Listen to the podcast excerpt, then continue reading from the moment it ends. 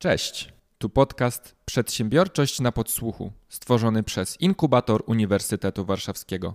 Ja nazywam się Przemek Krawczyk i zapraszam do wysłuchania najnowszego odcinka.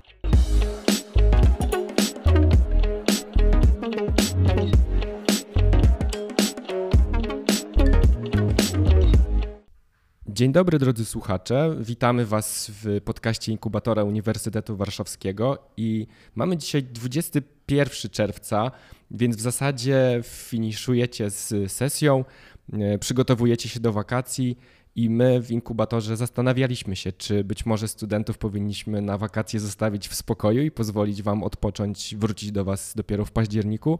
Natomiast doszliśmy do takiego wniosku, że, e, że nie będziemy tego robić i że chcielibyśmy w wakacje również z Wami być. Chcielibyśmy, żebyście w Waszych słuchawkach, e, telefonach, głośnikach mogli nas słyszeć i na wakacje zaplanowaliśmy konkretny y, cykl. To jest też nowość, jeżeli chodzi o nasz podcast Inkubatora, bo mamy tutaj y, w planach kilkuodcinkowy bardzo konkretny cykl. Będziemy się zajmować raportem, który dzisiaj, dokładnie dzisiaj ma swoją premierę, ponieważ my, czyli Inkubator Uniwersytetu Warszawskiego, współprzygotowujemy co roku raport dotyczący y, studenckiej przedsiębiorczości, czy też przedsiębiorczości i kompetencji wśród młodych ludzi. I w tym roku do przygotowania tego raportu zaprosiliśmy 12 ekspertów, ludzi, którzy pomogli nam w przygotowaniu tego raportu, dając nam e, swoje tak zwane insighty, swoją wiedzę, swoje doświadczenie, komentując wyniki tego e, raportu. I ja widząc listę tych 12 zaproszonych ekspertów, y, zamarzyło mi się, żebyśmy mogli tych ekspertów również y, usłyszeć i zaprosić do naszego podcastu, więc zaczynamy ten y, letni, wakacyjny cykl, w którym rozmawiamy o przedsiębiorczości młodych ludzi. Zapraszam do studia naszego podcastowego ekspertów, którzy pracowali przy raporcie i ze mną jest dzisiaj Iwo Zmyślony. Dzień dobry Iwo. Dzień dobry. Cześć. I jak czytałem sobie, y, chcąc Cię jakoś przedstawić na początku, zawsze, no muszę jednak gości zaszufladkować, żeby ktoś, kto nas słyszy po drugiej stronie, mógł po prostu sobie wyobrazić, kim Ty jesteś no to idealnie, mm, e, my często, mówię często w tym podcaście, że jest coś takiego jak zawody przyszłości, są, jest coś takiego jak e, kompetencje przyszłości. No jak ja sobie czytam o tobie, że jesteś metodologiem procesów projektowych, jesteś konsultantem e, design thinkingu, mówisz też o sobie czasami, czy mówią o tobie, że jesteś projektantem przyszłości. Tak mówią? Tak, tak, to ja myślę sobie, projektantem że... Projektantem zmiany. Ja też mam kłopot, jak to nazwać. Ja nazywam to w tej chwili najogólniej projektowaniem zmiany bo to najbardziej zbiera to, co robię w ostatnich latach. Y, pomagam y, organizacjom, głównie firmom, głównie biznesowi, poprawiać usługi, mhm. Y, poprawiać jakość usług, lepiej rozumieć klientów, poprawiać markę, poprawiać marki, czyli to, co czasami nazywa się też projektowaniem doświadczeń, czy projektowaniem usług, czy service design. I ten, ten temat mnie zaprowadził parę, jeszcze przed pandemią w stronę kultury organizacyjnej, czyli początkowo to była odpowiedź na pytanie, dlaczego design thinking nie działa. Tak? Ja zajmuję się design thinking od 10 lat i, i zawsze mi się dało to takie oczywiste, bo jeszcze wcześniej pisałem doktorat, y, napisałem w 2013 się broniłem na temat jak zarządzać kreatywnością w nauce, w science, tak jak to możliwe jest odkrycie naukowe i potem zacząłem zajmować się design thinking i patrzę, to jest dokładnie to samo, tylko różnymi językami no i dlaczego tu działa, a tu nie działa? No i to mnie zaprowadziło do, do, do tematu kultury organizacji, e, czyli postaw, relacji, można powiedzieć etyki organizacji, czyli tworzenia środowiska, które stwarza motywację dla pracowników, y, poczucie rozwoju, ale też dla, dla klientów, dla kupujących. No i w tej chwili, żeby to naprawdę nazwać, no to trzeba wymyślić jakieś słowo. Powiedziałeś o kompetencjach przyszłości. E, czy, no, projektowanie przyszłości, no, można jakoś to tam nazwać, to jest trochę zbyt marketingowe. Projektowanie zmiany na pewno, tak? Mhm. Czyli jak sprawić, żeby naszym pracownikom chciało się pracować, żeby im się chciało e, angażować w naszą organizację, żeby nasza organizacja była ważna nie tylko dla naszych pracowników, ale też dla naszych klientów. A ostatnim to zaprowadziło w stronę czegoś, co się z zaskoczeniem dowiedziałem, nazywa sprzedażą przedsiębiorczą. Ostatnio robiłem szkolenie ze sprzedaży przedsiębiorczej. Okazuje się, że tak to się teraz nazywa, to znaczy projektowanie e, takie klientocentryczne projektowanie procesów sprzedaży w biznesie, gdzie biznes sprzedaje innemu biznesowi, nazywa się entrepreneurial selling. Czy właśnie sprzedaż przedsiębiorcza. Bardzo ciekawy temat, serdecznie polecam wszystkim poglądy Regisa Lemensa, fantastyczny człowiek, od, właśnie, który pokazuje taki humanistyczny, bardzo, bardzo ciekawy, angażujący wymiar relacji biznesowych. My, kiedy uczymy studentów przedsiębiorczości, to próbujemy z nimi wyjść z podejścia, znaczy wyjść to znaczy opuścić podejście skoncentrowane na produkcie, które jest jednak dzisiaj wciąż jeszcze w większości praktykowane i przejść do podejścia skoncentrowanego na kliencie, na użytkowniku, więc to jest, no idealnie to się w ogóle, Dokładnie. idealnie to się ze sobą zgrywa.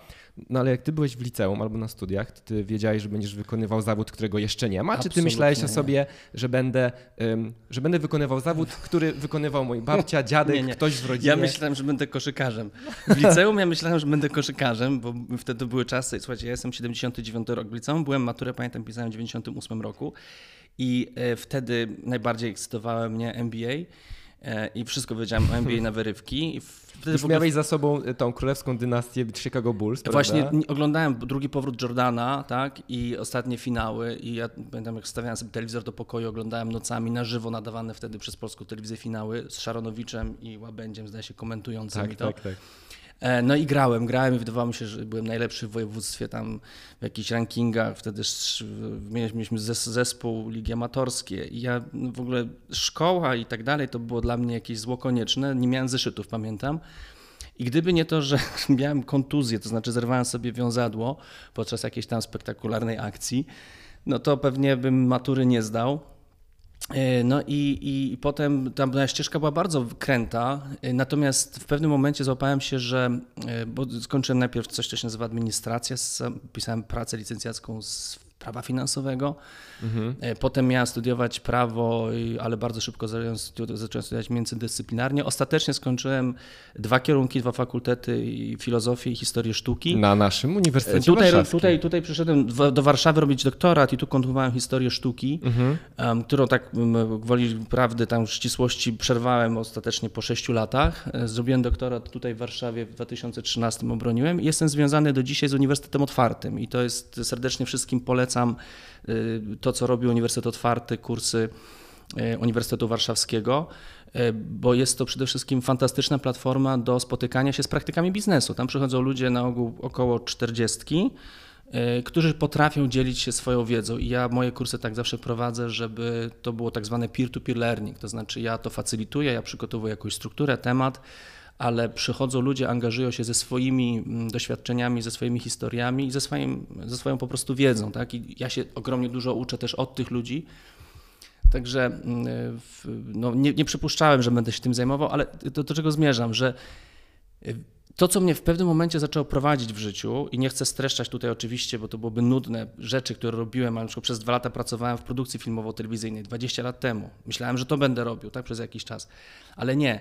Chyba złote, cza złote czasy dla telewizji, prawda? To znaczy, Chyba to był zaczynały. 2001 rok, 2000 Pracowałem przy takich rzeczach jak Palce Lizać serial, był kiedyś mm -hmm. Adam i Ewa. No tak, e, brak telewizji sprawiał, że po prostu telewizja rządziła e, Wtedy jeszcze się ludzi. na betakamach to wszystko kręciło. E, to w ogóle były rzeczywiście inne czasy. Wszystko było nadziało na faksy na przykład. Mm -hmm. Maile były jakoś taką totalną awangardą. Ale zmierzam, że w pewnym momencie, mniej więcej wtedy zaczęło mi prowadzić przez życie coś takiego, że ja chcę robić strasznie fajne rzeczy, strasznie trudne rzeczy z strasznie ciekawymi ludźmi. I ja tego oczywiście tak sobie nie nazwałem. E, natomiast z perspektywy czasu to jest to, co mnie prowadzi do dziś, że ja miałem naprawdę no, dziesiątki współprac z bardzo różnymi organizacjami, które często kończyły się powiedzmy nawet spalonymi mostami. Dlaczego? Dlatego, że się frustrowałem ludźmi, z którymi musiałem współpracować na pewnym etapie. I wtedy traciłem też motywację. E, to, co mnie rzeczywiście prowadziło mniej więcej od jakichś 20 lat i zaprowadziło w miejsce, w którym mam bardzo wysoką jakość życia i bardzo, bardzo, bardzo lubię to, co robię. I rzeczywiście każdy projekt, który robię, jest zupełnie inny. E, co nie znaczy, znaczy po prostu jest też trudny przez to, bo ja za każdym razem muszę się po prostu wielu rzeczy uczyć się na nowo i oduczać i tak dalej. Ale to, co mnie prowadzi, to, co mnie motywuje i uważam, że to jest bardzo ważna taka myśl, jeżeli się mogę nią podzielić, żeby robić rzeczy, które ci się wydają naprawdę, naprawdę ważne, naprawdę trudne, ale dla mnie to było przede wszystkim z fascynującymi ludźmi. Że ja spotykałem fascynujących ludzi na swojej drodze i to mnie prowadziło najpierw długo w naukę, i ja od, poświęcałem się, fascynowałem się nauką, taką nauką uniwersytecką, wiązałem swoją przyszłość ze światem nauki. Potem y, to była sztuka. Ja przez 5 lat, prawie 6 lat pracowałem z artystami, no, czołowymi artystami z Polski i zagranicy tutaj w naszym polskim świecie sztuki. Projektanci, ja przez 6 lat pracowałem w School of Form, poznałem tam fantastycznych ludzi i nauczyłem się tego myślenia projektowego. I, i, I potem biznes, to znaczy od tam 2016 mniej więcej roku, e, najpierw to były środowiska e, startupowe, dużo właśnie przez Uniwersytet Otwarty też e, relacji, które owocowały potem jakimiś projektami. No i, i w tej chwili no, jestem na takim etapie, że staram się robić rzeczy, które wydają mi się po prostu ciekawe. Ciekawe, ciekawe, czyli takie, że ja mogę się w to zaangażować i wtedy moja wyobraźnia inaczej pracuje i wtedy też po prostu moja motywacja jest do, do, dotycząca projektu wzrasta moja efektywność, a skutek jest taki, że robię to po prostu efektywnie, jestem produktywny, no i z, dzięki temu robię to lepiej pewnie od tych, co by się musieli zmuszać. Nie? Ja czytam właśnie książkę Pułapki Myślenia Kahnemana. Bardzo ważna jesteś, książka. Tak. Jesteś optymistą. Wczoraj akurat ten rozdział przeczytałem, w którym on mówi, że generalnie optymiści mają w życiu łatwiej. Wiesz co? E, i... Wiesz, ja, ja bym tak, że, że wiem, co masz na myśli, mówiąc y, po kahnemanowsku, bo ja Kahneman uważam, że to jest w ogóle alfabet Biblia. Tak. W sensie daje wgląd w to, czym jest kreatywność. Mhm. U Kahnemana to jest myślenie wolne, tak. to jest myślenie wysiłkowe, to jest tak. myślenie właśnie zorientowane na zmianę. Nie to, co popularne. Nie szablonowe. Popularne, tak, ale też takie popularne, popkulturowe ujęcie, że to jest coś takiego, że ja sobie siądę i zacznę ma marzyć i wtedy będę kreatywny. To jest, to jest naiwne i to jest y, no, też ostatecznie nienaukowe myśl podejście do kreatywności. Natomiast optymista, że faktem jest, że rzeczywiście jest coś takiego, że wiele razy w życiu znalazłem się w pozycji katastrofy i to w różnych planach, nawet bardziej osobistych niż biznesowych. Może katastrofa to jest duże słowo, ale takiego dramatu. I, i, I oczywiście to nie było łatwe, to były bardzo trudne lekcje, bolesne lekcje, natomiast to takie oczywiste przekonanie, że zawsze ze wszystkiego wyjdę i znajdzie się jakieś, jakieś rozwiązanie, że, że gorzej być nie może, nie? To jest coś rzeczywiście, co można nazwać optymizmem. Takie poczucie, że zawsze jest wyjście, zawsze, tak? Zawsze jest alternatywa. I to jest bazowe. Natomiast jeśli chodzi o mój światopogląd, to jestem zdecydowanie pesymistą i mizantropem. I to, to jest, znaczy nie spodziewam się wielkich rzeczy ani po ludziach, ani po, po cywilizacji, więc zależy do czego przyłoży ten optymizm. Tak, tak, tak zależy według której definicji. Natomiast drodzy słuchacze, jak kiedyś będziecie próbowali swoich sił w dziennikarstwie podcastowaniu, to ktoś wam powie w pewnym momencie, że trzeba się nauczyć takie ładne tranzycje robić pomiędzy tematami rozmowy, to uwaga, spróbuję, bo wspomniałeś o czymś takim jak Uniwersytet Otwarty. Uniwersytet Otwarty to jest świetny przykład, Y, realizacji jednego z trendów WK, pierwszego dokładnie, czy pierwszego w naszym raporcie, jak sobie będziecie go czytać, czyli zmiana roli formalnego wykształcenia. Iwo teraz, y, bo go to poprosiłem przed naszą rozmową, więc y, jest na tyle dobry, że nam po pierwsze wyjaśni, czym jest WK, czym jest świat WK. I potem chciałbym, żebyśmy też przeszli już do tego punktu numer jeden raportu, czyli hmm. dlaczego zmienia się dzisiaj formalne wykształcenie, ale najpierw e, wróćmy, wróćmy do Wuki. To jest metafora, to jest słówko, e, które robiło karierę już od jakichś 10 lat. E, no, w ogóle historia tego słowa jest jeszcze starsza, bo ona pojawiła się po raz pierwszy w latach 80. na określenie takiej sytuacji międzynarodowej, w której upadł Związek Radziecki, czy upadał Związek Radziecki, bo to była jeszcze zimna wojna. I w związku z czym ten powojenny porządek przestał, się, przestał być przewidywalny. Tak? Znaczy globalny podział sił, który tam się ustabilizował w latach powojennych, przestał być przewidywalny. No i ktoś, nawet nie pamiętam w tej chwili kto, ale to w kontekście właśnie nauk, czy też o stosunkach międzynarodowych, czy takiej geopolityki, e, wprowadził ten termin i on zrobił karierę w, kontekście biznesu w ostatniej dekadzie, jeszcze na długo przed pandemią. I to jest skrót. WK to jest skrót, na początku akronim. V, akronim, tak, tak, akronim. Od volatility, czyli zmienność, E, uncertainty, czyli nie, nie, nie, niepewność, niepewność, tak, complexity, czyli złożoność i ambiguity, czyli wieloznaczność, mętność, że to są takie ogólne charakterystyki rzeczywistości, w której nam przychodzi działać i planować i podejmować decyzje dotyczące naszej przyszłości. E, I ten termin robił karierę jeszcze przed pandemią, głównie w odniesieniu do mm, no, sytuacji na międzynarodowych rynkach, sytuacji w kontekstu strategicznych Natomiast pandemia dała nam wszystkim odczuć, czym to jest. To znaczy, jak z dnia na dzień rzeczywiście wszystkie nasze plany, i to każdy na własnej kieszeni, na własnej biografii poczuł, na własnej codzienności, że nagle to, co się wydawało takie stabilne i oczywiste, nie jest, nie? Albo ten świat dookoła nie był stabilny, ale tak. na co dzień pędząc mamy klapki trochę znaczy, i wszyscy myślenie, się skupiają myślenie na... Szybkie, myślenie szybkie, tak. właśnie o to chodzi, że myślimy tak. szybko.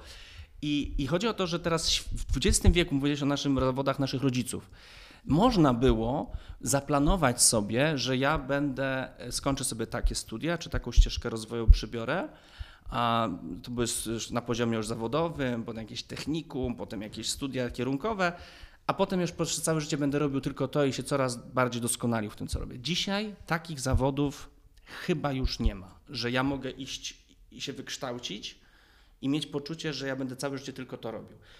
I nie potrafię wskazać jakiego zawodu. Ja się pytam ludzi, czy potrafią wskazać. Ja myślę, ja bym no. wskazał dwa: piekarz i fryzjer. To być okay, może. Tak, ale nic, są... nic, więcej mi nie przychodzi nie, do głowy. Oczywiście takie, gdzie jest właśnie ten współczynnik ludzki. To znaczy, gdzie rzeczywiście bardzo trudno sobie wyobrazić, jak można by to zautomatyzować, bo już dawno dowiedziono empirycznie, że akurat dobry wypiek nie sposób jest zautomatyzować procesu wypieku chleba, nie sposób, nie sposób jest zautomatyzować procesu wypieku chleba i to były badania prowadzone w latach 90. To znaczy można, ale tylko jeżeli chodzi o taki powiedzmy niskiej jakości wypieki. Tak? Znaczy, że jeśli masz produkty właśnie, które... I to jest generalnie zasada dobry przykład, że dzisiaj widzimy w biznesie takie dwie tendencje. Z jednej strony Większość y, procesów ulega automatyzacji, ale y, znaczy to jest za dużo powiedziane większość. Tych, które da się właśnie zautomatyzować, to jest tautologia, a zautomatyzować, czyli które opierają się na powtarzalnych, rutynowych czynnościach. Tak?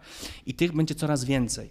Natomiast z drugiej strony, już dzisiaj chociażby w tej sprzedaży, o której tutaj wspomnieliśmy, tworzy się przewagi właśnie przez ten czynnik ludzki, to znaczy inwestuje się w ludzi i w to, czego maszyny nie potrafią, ja to mówi się czasami miękkie kompetencje, ja to nazywam e, człowieczymi kompetencjami. To są mhm. rzeczy, którymi. Ludzkie, ja, ja mówię ludzkie, kompetencje ludzkie. Dokładnie. Ludzkie kompetencje, no już tak e, ludzkie czy człowiecze chodzi o to, że nieautomatyzowalne, tak? tak?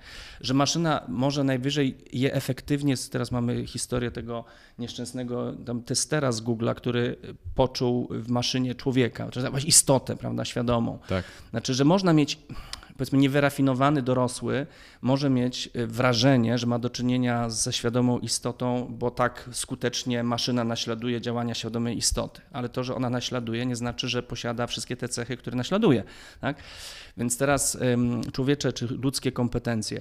I wracamy do świata WUKA. Jeszcze może Was tutaj uczulę, że w literaturze pojawił się y, taki inny termin jakiś czas temu, bani, i byli tacy, co twierdzili, że WK już jest passé i teraz trzeba mówić bani, bo ten ak akronim bani, co tam znaczy brittle, anxious i coś tam jeszcze. Non-linear yy, non-linear. i, i i nie wiem. Incomprehensive. Incomprehensive, czyli że to jest lepsze niż. Y, no więc jak zwał, tak zwał, bo tu naprawdę nie chodzi o żadną rewolucję konceptualną, chociaż tam są jakieś argumenty, żeby rzeczywiście pokazywać, że żyjemy w świecie, który jest kruchy, tak? Wiecie, kruchość. No, ja mam czterolatka, czterolatka teraz w domu, czteroipółlatka, jestem na etapie dinozaurów. I jak sobie prześledzimy historię dinozaurów, które sobie świetnie żyły przez 160 milionów lat, milion to jest tysiąc tysięcy, tak? Czyli w ogóle 1 i 6 zer. 1 i 6 zer to y, i one sobie 160 milionów lat dzień w dzień wyglądał tak samo. Bardzo stabilne środowisko.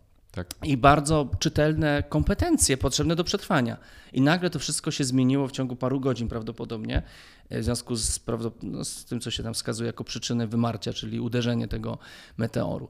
I, tak. I w ciągu paru godzin, i że, to, to, że żyjemy w świecie, który na dobrą sprawę takich wydarzeń, no, typu właśnie pandemia czy wojna, ich niestety, czy chcemy, czy nie, będzie coraz więcej. Niektórzy nazywają to czarnymi łabędziami. Nas, Nassim, Nassim Taleb to ładnie nam wytłumaczył wszystkim. Tak, no. Nassim Taleb z koncepcją, znowu nie wchodźmy w niuanse, bo tu nie chodzi o to, czy pandemia była, czy nie była. Jeżeli jest coś, czego prawdopodobieństwa nie bierzemy pod uwagę w naszych planach, to nazwijmy to czarnym łabędziem. Znaczy, tak, tak, teraz... bo myślimy, że jest tak, tak. niskie, że się nie wydarzy, Dokładnie. więc nie, nie bierzemy go pod uwagę. I to jest ten świat permanentnej zmiany. I teraz chodzi o to, że to jest jak sobie właśnie pandemia czy wojna, początek wojny, te, te, te takie gwałtowne wstrząsy, one nam wszystkim dają poczuć, czym to jest. To jest pewne doświadczenie. To nie jest już opowieść, nie?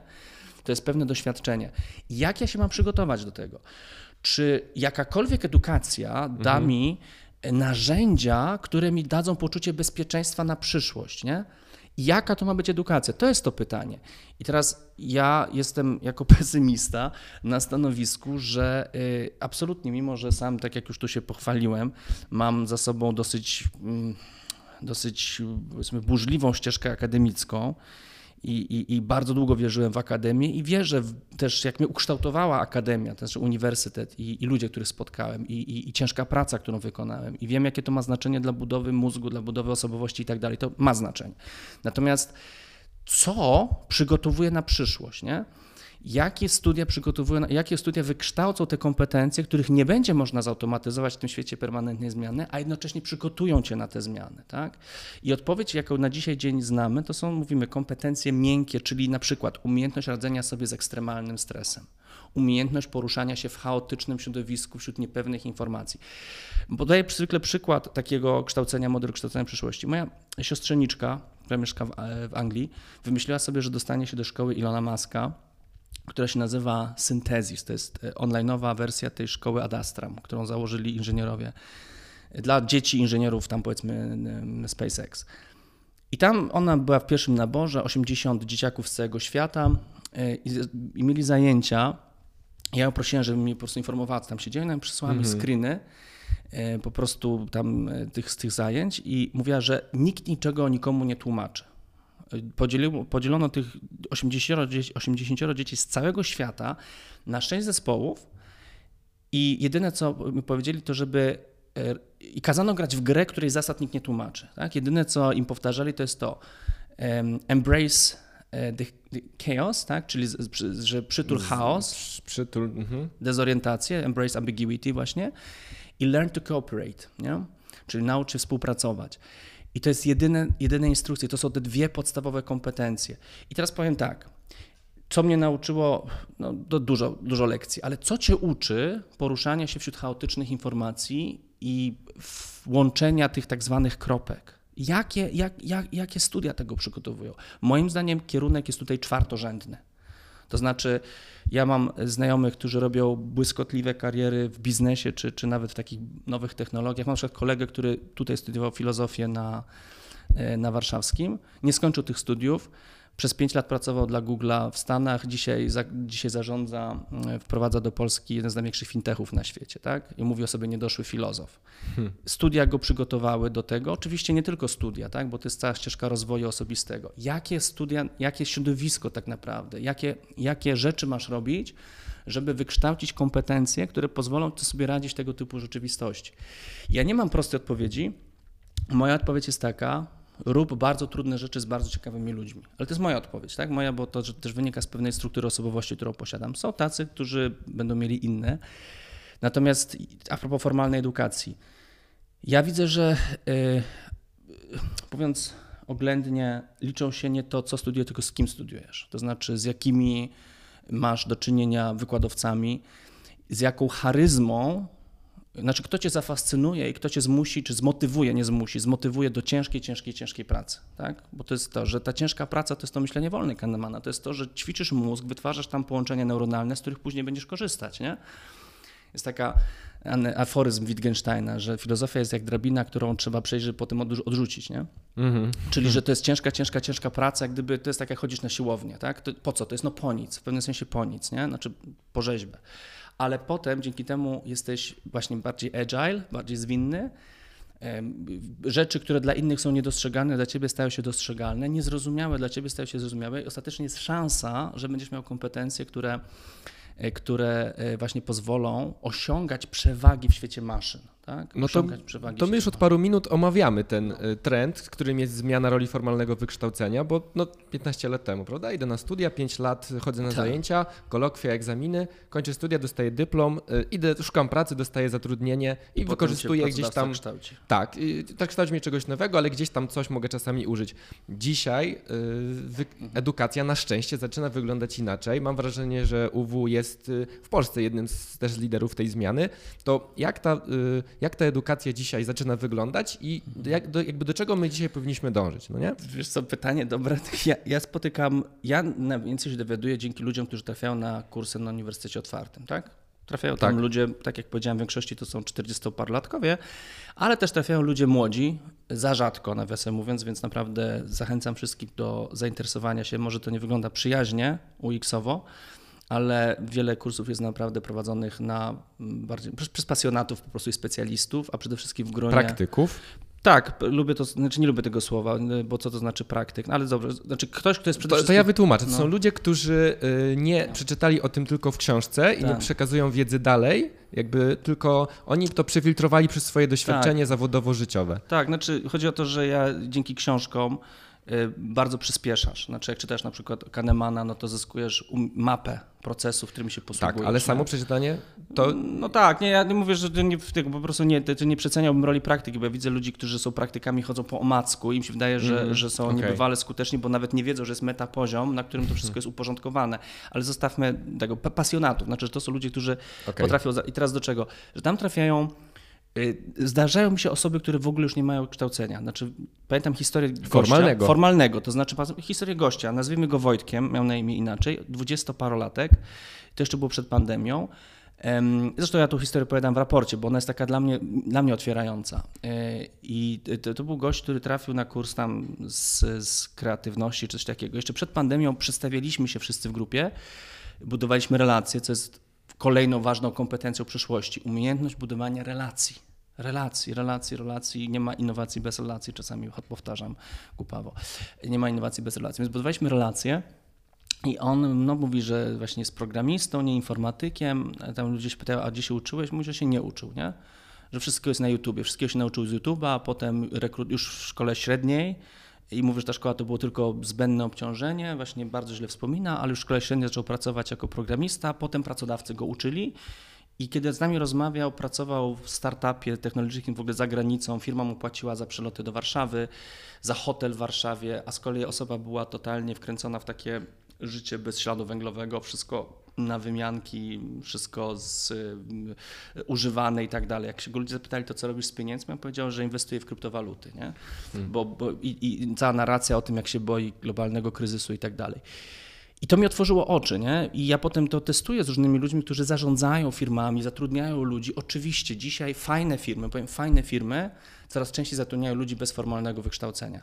Ale co, pod jakim kątem, tak? To znaczy oczywiście pod kątem kompetencji, które mogą zweryfikować, niekoniecznie nawet certyfikowanych, tak? Bo oni sami sobie zrobią wewnętrzną rekrutację. Kolega, który pracował dla Google'a mówił, że jak on rekrutowany był tam przez nich, to latał do nich samolotem i całymi dniami siedział z jakimś profesorkiem, który mu zadawał pytania nie do, nie do odpowiedzi, znaczy problemy nie do rozwiązania.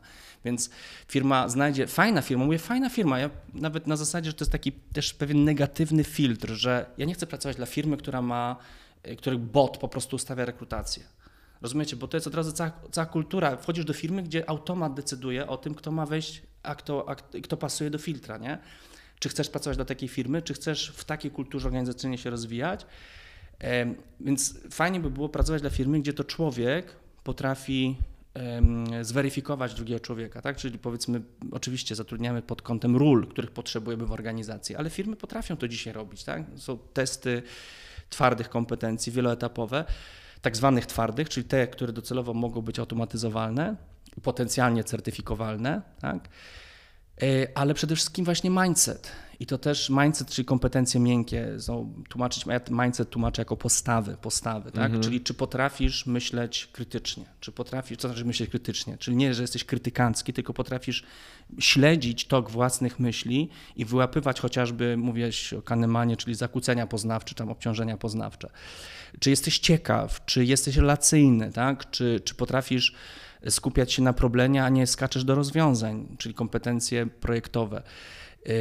I, i czy właśnie potrafisz budować relacje, tak? I, I cała masa tych kompetencji przyszłości, bo tutaj gdybyśmy zaczęli je wymieniać, to one idą, wspomniałem o umiejętności radzenia sobie ze stresem, umiejętności poruszania się wśród chaotycznych informacji. To wszystko pytanie, gdzie kształcić i czy formalna edukacja dostarczać do tego i chodzi o to, że moja odpowiedź nie jest jasna, dlatego że ja wiem, że także tutaj w Warszawie, na Uniwersytecie Warszawskim, poznałem ludzi, którzy pozwalają to ćwiczyć. Tak? Są fantastyczne seminaria, nie chcę pokazywać palcem, bo to każdy się zorientuje. Tak? Gdzie są seminaria, gdzie ludzie chodzą i wychodzą. Ale to jest proste, tak. trzeba zobaczyć frekwencję po prostu. To też widać, nie? Chociaż, chociaż pamiętam takie, do których się każdy bał, a tam, dlaczego tam było tak naprawdę wymagali. Nie, znaczy dla mnie kluczem jest, ale mówię dla mnie, bo to każdy musi znaleźć swój klucz. Tak. Są ludzie, którzy tacy jak ja kierują się relacjami, że mnie najbardziej angażują i motywują relacje. I relacje poprzez to, że albo mówię kolokwialnie kupuję czyjąś aurę, czyjąś charyzmę, czyjąś zajawkę, i ja jestem zainspirowany tą zajawką. Ja na przykład tutaj w Warszawie chodziłem przez 4 lata, jak pisałem doktorat, na seminarium do trzech y, profesorów matematyki. Całe życie umiałem matematykę jak, jak się tylko dało, ale tutaj chodziłem do, na seminarium z matematyki bo były fascynująca, y, no fascynujące tematy, bardzo, bardzo, bardzo wymagające seminarium, ale przede wszystkim osobowości. Więc y, jest taki, zobaczcie sobie, co mówi Mark Kuban w takim wywiadzie dla NBC z, jeszcze przed pandemii, bodaj 2016 roku. On tam prowokacyjnie to wybija nagłówek, możecie sobie wygooglować, mówi, że wkrótce y, studia z filozofii będą więcej warte niż studia z programowania. Tak? Co jest oczywiście paradoksem, bo to y, wiadomo, jaki ma to popkulturowy obraz, ale tu chodzi o to właśnie, jakie kompetencje kształtuje jaki rodzaj studiowania, jaki rodzaj edukacji. Tak, czy ty się uczysz na górnika kompetencji technicznych, na kogoś, kto wykonuje pracę. Ja potem pracowałem z firmami informatycznymi czy technologicznymi. To są ludzie, którzy pracują nad kawałkiem kodu i nawet nie wiedzą, bo firma im nie mówi, bo to jest tajne, nad, nad, jakim, nad jaką aplikacją pracują. Tak? Przychodzisz do pracy i musisz od 9 do 16 wykodować ileś tam i potem zwijasz się, wracasz do domu. Jak, jak fascynująca może być to praca, nie? I co to robi z głową, jeżeli ty wykonujesz pracę, której, nie, może są ludzie, którzy to lubią, znaczy są ludzie, którzy to lubią, nie? Tylko pytanie, właśnie, y, czy, czy ta praca nie ulegnie wkrótce automatyzacji? My wiemy, że powstają maszyny, które zaczynają kodować i robią to coraz lepiej od ludzi. Tak, no tak, tak. Więc ja nie chcę tutaj absolutnie y, obniżać wartości właśnie kompetencji y, tych twardych, tylko robię to po to, żeby pokazać coś, co w popkulturze czy w kulturze popularnej jest cały czas traktowane jako oczywiste, że to właściwie przychodzi samo. No nie, właśnie chodzi o to, że umiejętność myślenia, umiejętność budowania relacji to jest coś, co wymaga pracy i moim zdaniem też teorie na to są, które to popierają, w sensie badania, które zostały opracowane, że kluczowe kompetencje, te tak zwane miękkie, wypracujemy w relacjach z drugą osobą, w interakcji. Dlatego tam też osobisty kontakt i te seminaria, dyskusje seminaryjne, pisanie prac, dyskutowanie, spory, oczywiście. Kryterium dobrych jakości są to, czy ludzie potrafią się kłócić. Mm, więc no tak właśnie, formalna edukacja. Wielki, wielki moim zdaniem, bo Uniwersytet Otwarty jest takim trochę prekursorskim projektem, bo tam naprawdę jest tak, że przychodzą ludzie, którzy, ja się uczę razem z nimi, nie? ja się uczę od nich, mimo że facilitu prowadzę. Nie? I ja wierzę, że to jest model kształcenia przyszłości, to znaczy, że będziemy się uczyć od siebie nawzajem, że nie ma tych wyróżnionych pól, to znaczy o twojej roli w procesie uczenia decyduje poziom twoich kompetencji, który weryfikują uczestnicy grupy. No.